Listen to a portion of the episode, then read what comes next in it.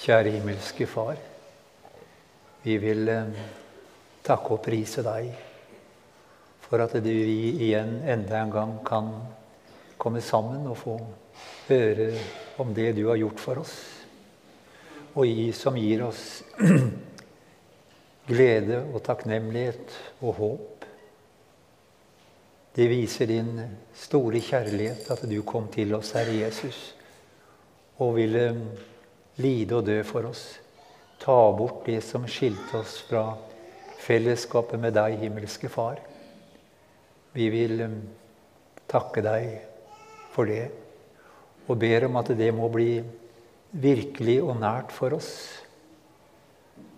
At du ved din Hellige Ånd får lagt det på våre hjerter, og at ditt ord får lyde nå nettopp om ditt ord, Herre Jesus. Må du velsigne gudstjenesten i ditt eget navn. Amen.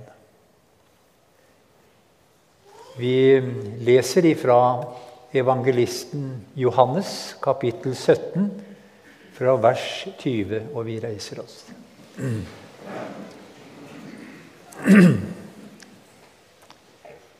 Jeg ber ikke bare for dem, men også for dem som gjennom deres ord kommer til tro på meg. Må de alle være ett, slik du, Far, er i meg og jeg i deg. Slik skal også de være i oss, for at verden skal tro at du har sendt meg. Den herligheten du har gitt meg, har jeg gitt dem, for at de skal være ett, slik vi er ett, jeg i dem og du i meg, så de helt og fullt kan være ett. Da skal verden skjønne at du har sendt meg, og at du elsker dem slik du har elsket meg. Far, du har gitt meg dem, og jeg vil at de skal være der jeg er, så de får se min herlighet, den du har gitt meg, fordi du elsket meg før verdens grunnvoll ble lagt. Rettferdige Far, Verden kjenner deg ikke, men jeg kjenner deg, og disse vet nå at du har sendt meg. Jeg har gjort ditt navn kjent for dem og skal fortsatt gjøre det, for at den kjærlighet du har hatt til meg, kan være i dem, og jeg selv kan være i dem. Hellige Far, hellig oss i sannheten. Ditt ord er sannhet. Amen.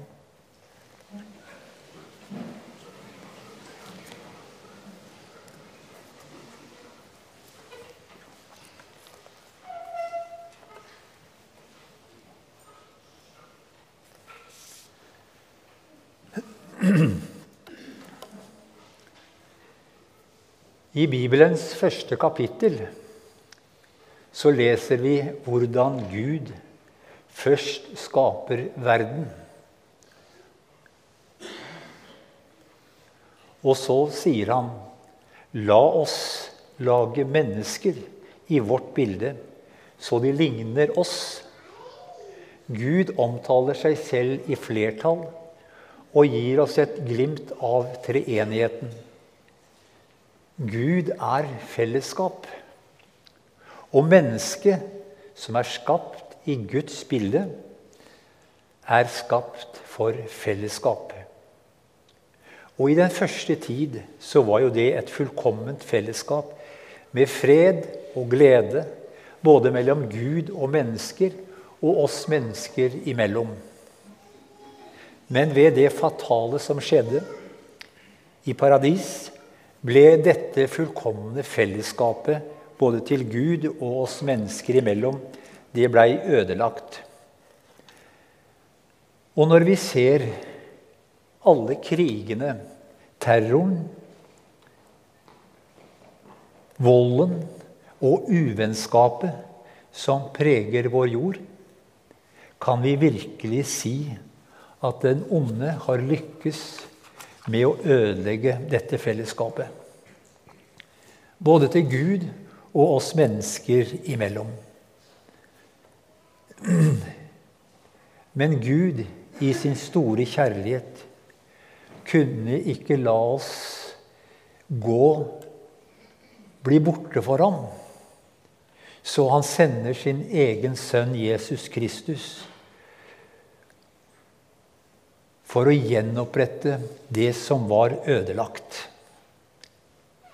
Og når Jesus kom til vår jord for å føre oss mennesker tilbake til seg, så begynner han med å si, 'Vend om, for Guds rike er kommet nær.' Nå skal det som gikk tapt ved syndefallet, gjenopprettes.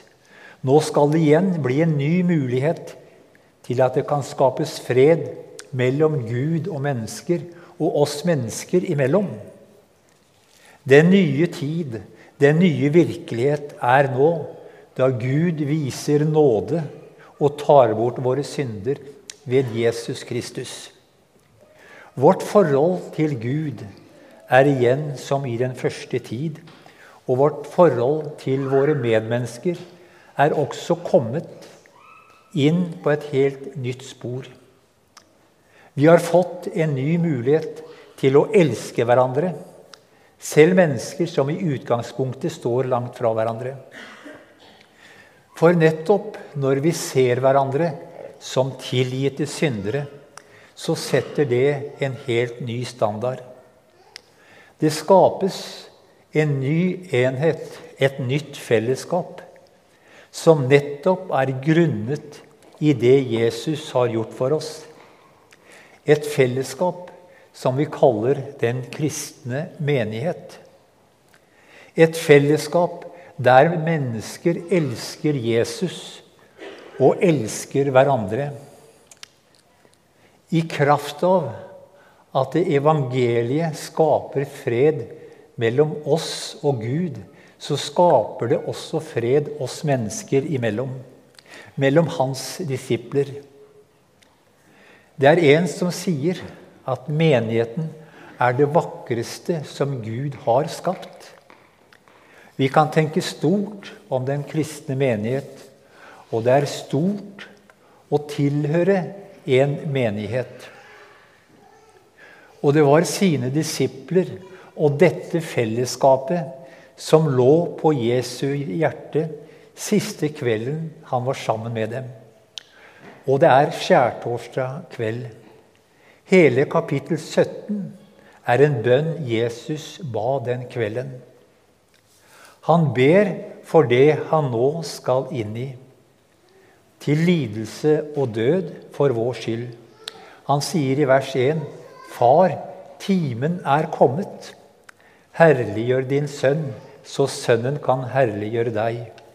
Og han fortsetter med å be for sine disipler i vers 9.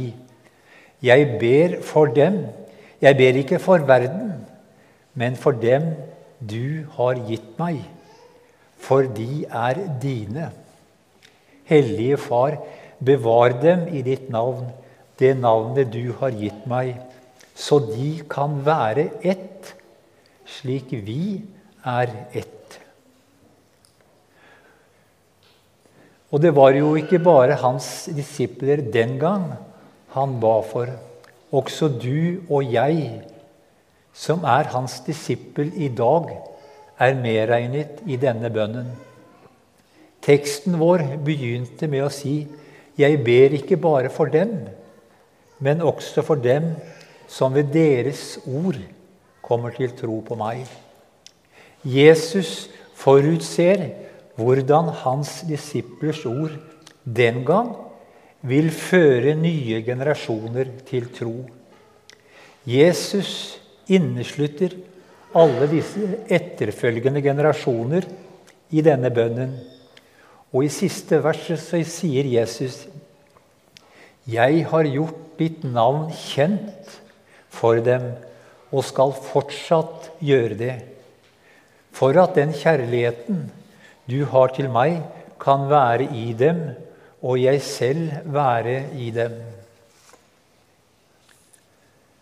Og det er jo utrolig stort og godt at Guds egen sønn ber for oss. Han som har all makt i himmel og på jord, og at han fortsatt ber for oss at vi skal bli bevart hos ham. Og det trenger vi jo virkelig. Det er en bønn av Jesus som oser av kjærlighet og omsorg for oss, for sine disipler, og for den enheten som det skal være mellom, dem, mellom oss. Må de alle være ett, slik du, far, er i meg og jeg i deg. Slik skal også de være i Slik skal også de være i oss, for at verden skal tro at du har kjent meg. Den enheten som skal være mellom Jesus og hans disipler, begrunner han nettopp med den enheten som er mellom ham og hans far. Og denne enheten mellom hans disipler blir nettopp til et vitnesbyrd for, for verden at Jesus er Guds sønn, sendt av sin far med frelse til alle som tar imot ham. Og vi skal merke oss at Jesus gjentar denne begrunnelsen. For han sier videre da skal verden skjønne at du har sendt meg. Så når de kristne slåss seg imellom, er ikke det noe godt vitnesbyrd for verden. Og Bibelen understreker flere steder den enhet det skal være mellom oss kristne. Og det må vi arbeide for å bevare. Han sier, Paulus sier Sett alt inn på å bevare Åndens enhet i den fred som binder sammen. Og dette fellesskap, det skal være Paulus bruker videre bildet av menigheten som en kropp med mange lemmer. Og vi vet at i en kropp så er alle lemmene avhengige av hverandre. Og han sier at det ut ifra ham, Kristus, blir hele kroppen føyd sammen av hvert bånd og ledd. Alt etter den oppgave hver enkelt har fått tilmålt. Så kroppen bygges opp i kjærlighet. Menigheten er et vi, der alle på en eller annen måte har en tjeneste og et ansvar. Vi er avhengige av hverandre. Som Paulus sier Kroppen blir holdt oppe av hvert bånd og ledd. Og nettopp det at vi skal støtte og hjelpe hverandre, er jo en viktig del av det å være i dette fellesskapet. Og det kan jeg si for egen del at det var utrolig godt å være i en menighet når livet var litt vanskelig Å kjenne på denne støtten og omsorgen og forbønnen. Så det er en, en, viktig del som vi skal merke oss i, i, dette, i, dette, fellesskapet. At vi har omsorg. Det er også et omsorgens fellesskap. For livet kan være forskjellig for oss i perioder. Men det skal ikke underslås at dette fellesskap utsettes for sterke angrep i vår tid. Kanskje nå mer enn noen gang. Et forhold som jeg vil peke på, er den sterke individualismen som preger vår tid.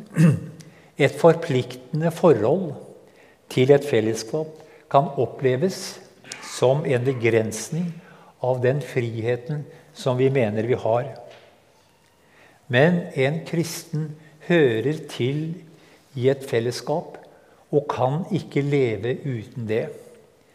Det er en helt fremmed tanke i Bibelen at vi skal leve våre liv som kristne alene. Og det står om de første kristne alltid holdt seg trofast til apostlenes lære og fellesskapet og brødsbrytelsen og bønnene. Og det er jo i dette fellesskapet vi får høre om Jesus og om livet hos Gud. Og det er nettopp også om denne enheten i fellesskapet. Det skapes og oppholdes nettopp ved Guds ord. Johannes han minner oss om det i sitt første brev, der han sier Det som vi har sett og hørt, forkynner vi også for dere, for at dere skal få fellesskap med oss, vi som har fellesskap med Far og Hans Sønn. Og det er jo virkelig et privilegium at vi skal ha fellesskap med Gud, vår Far og Hans Sønn. Et annet forhold som jeg vil peke på, som viktig og avgjørende for enheten, er at vi har et felles ståsted i forhold til Guds ord. Skal et fellesskap fungere, må vi mene det samme i viktige spørsmål. Vi kan ikke mene noe annet enn det som Gud forteller oss i sitt ord. Og i vers 6 i dette kapitlet sier Jesus.: Jeg har åpenbart ditt navn for de mennesker du ga meg fra verden. De var dine, og du ga meg dem, og de har holdt fast på ditt ord. Nå vet de at alt du har gitt meg, er fra deg, for jeg har gitt dem de ord du ga meg og de har tatt imot dem. Hans disipler vil ta imot Guds ord slik det er gitt oss i Bibelen. For det er egentlig en forutsetning for, for at fellesskapet skal fungere som et fellesskap. For som Jesus sier, at vi holder fast på Hans ord. Og vi må si at det er krevende tider for den kristne kirke i Norge i dag. Vi som vil holde fast på hele Bibelen som Guds ord og forpliktende for oss, vi presses. Det er, men det er en som sier om vi slår tvil om Bibelens troverdighet for å fjerne det man ikke liker, f.eks. den bibelske samlivsetikk, så fjerner man også fundamentet for de deler man liker, f.eks. Bibelens budskap om kjærlighet og nåde. Det blir kirkesplittende og ødeleggende for enheten mellom hans disipler når vi går på tvers av Guds ord.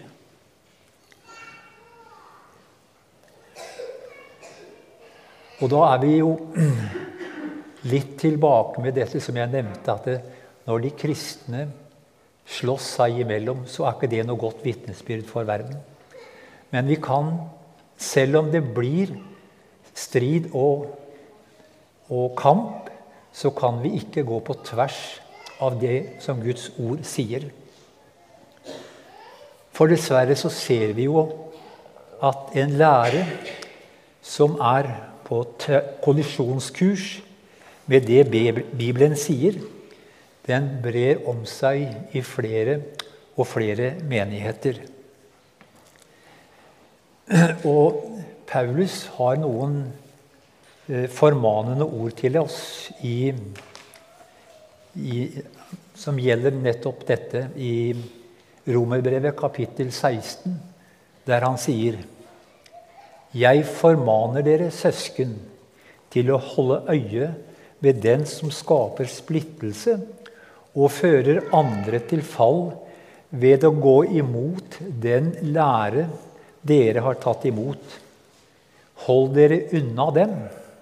Den slags mennesker tjener ikke vår Herre Jesus Kristus, men sin egen mage. Med fine ord og talemåter forfører de mennesker som har et godtroende hjerte.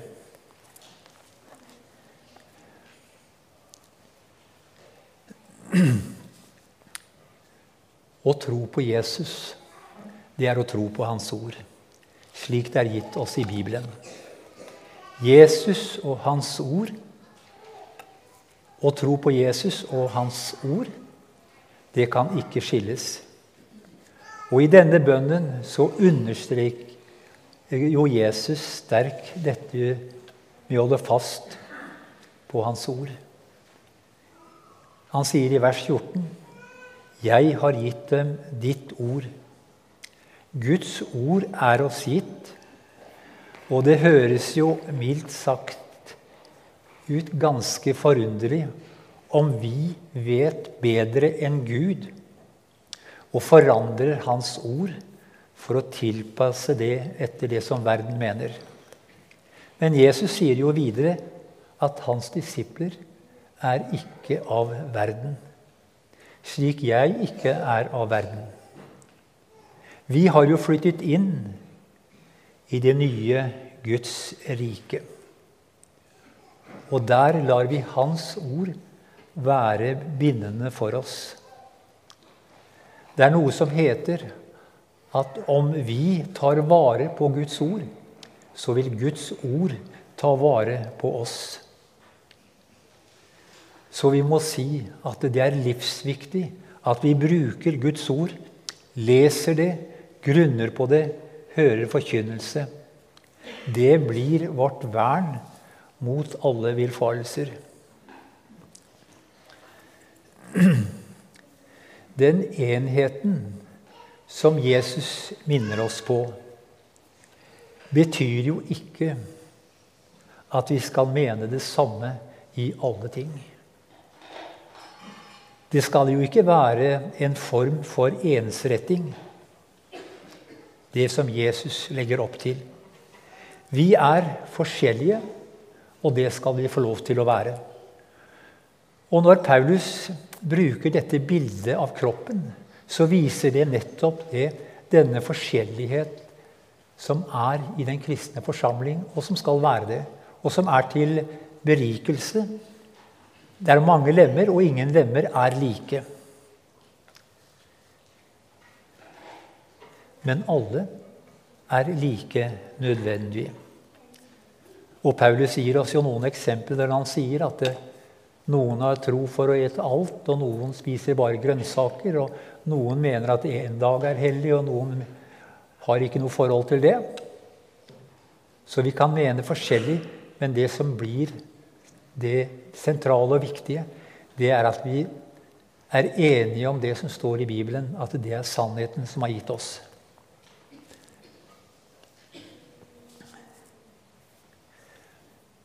Når jeg holdt på å forberede denne gudstjenesten og eh, leste i denne bønnen av Jesus, så blir jeg veldig takknemlig. Vi får enda et bilde på Jesus store kjærlighet og omsorg for oss. Døden og lidelsen lå bare noen timer unna. Og det visste Jesus. Men allikevel så er hans omsorg den er rettet mot oss, mot hans disipler. At vi skal bli bevart. Og den samme omsorgen har Jesus i dag til sine disipler. Han vil så gjerne, og han legger så alt til rette for oss, at vi skal bli bevart som hans disipler. Og han ber fortsatt for oss. Så det skulle fylle oss med stor takknemlighet og lovprisning for han for det han har gjort for oss, og for hans omsorg. Ære være Faderen og Sønnen og Den hellige ånd, som var, som var, er og være skal en sann Gud, velsignet i evighet. Amen.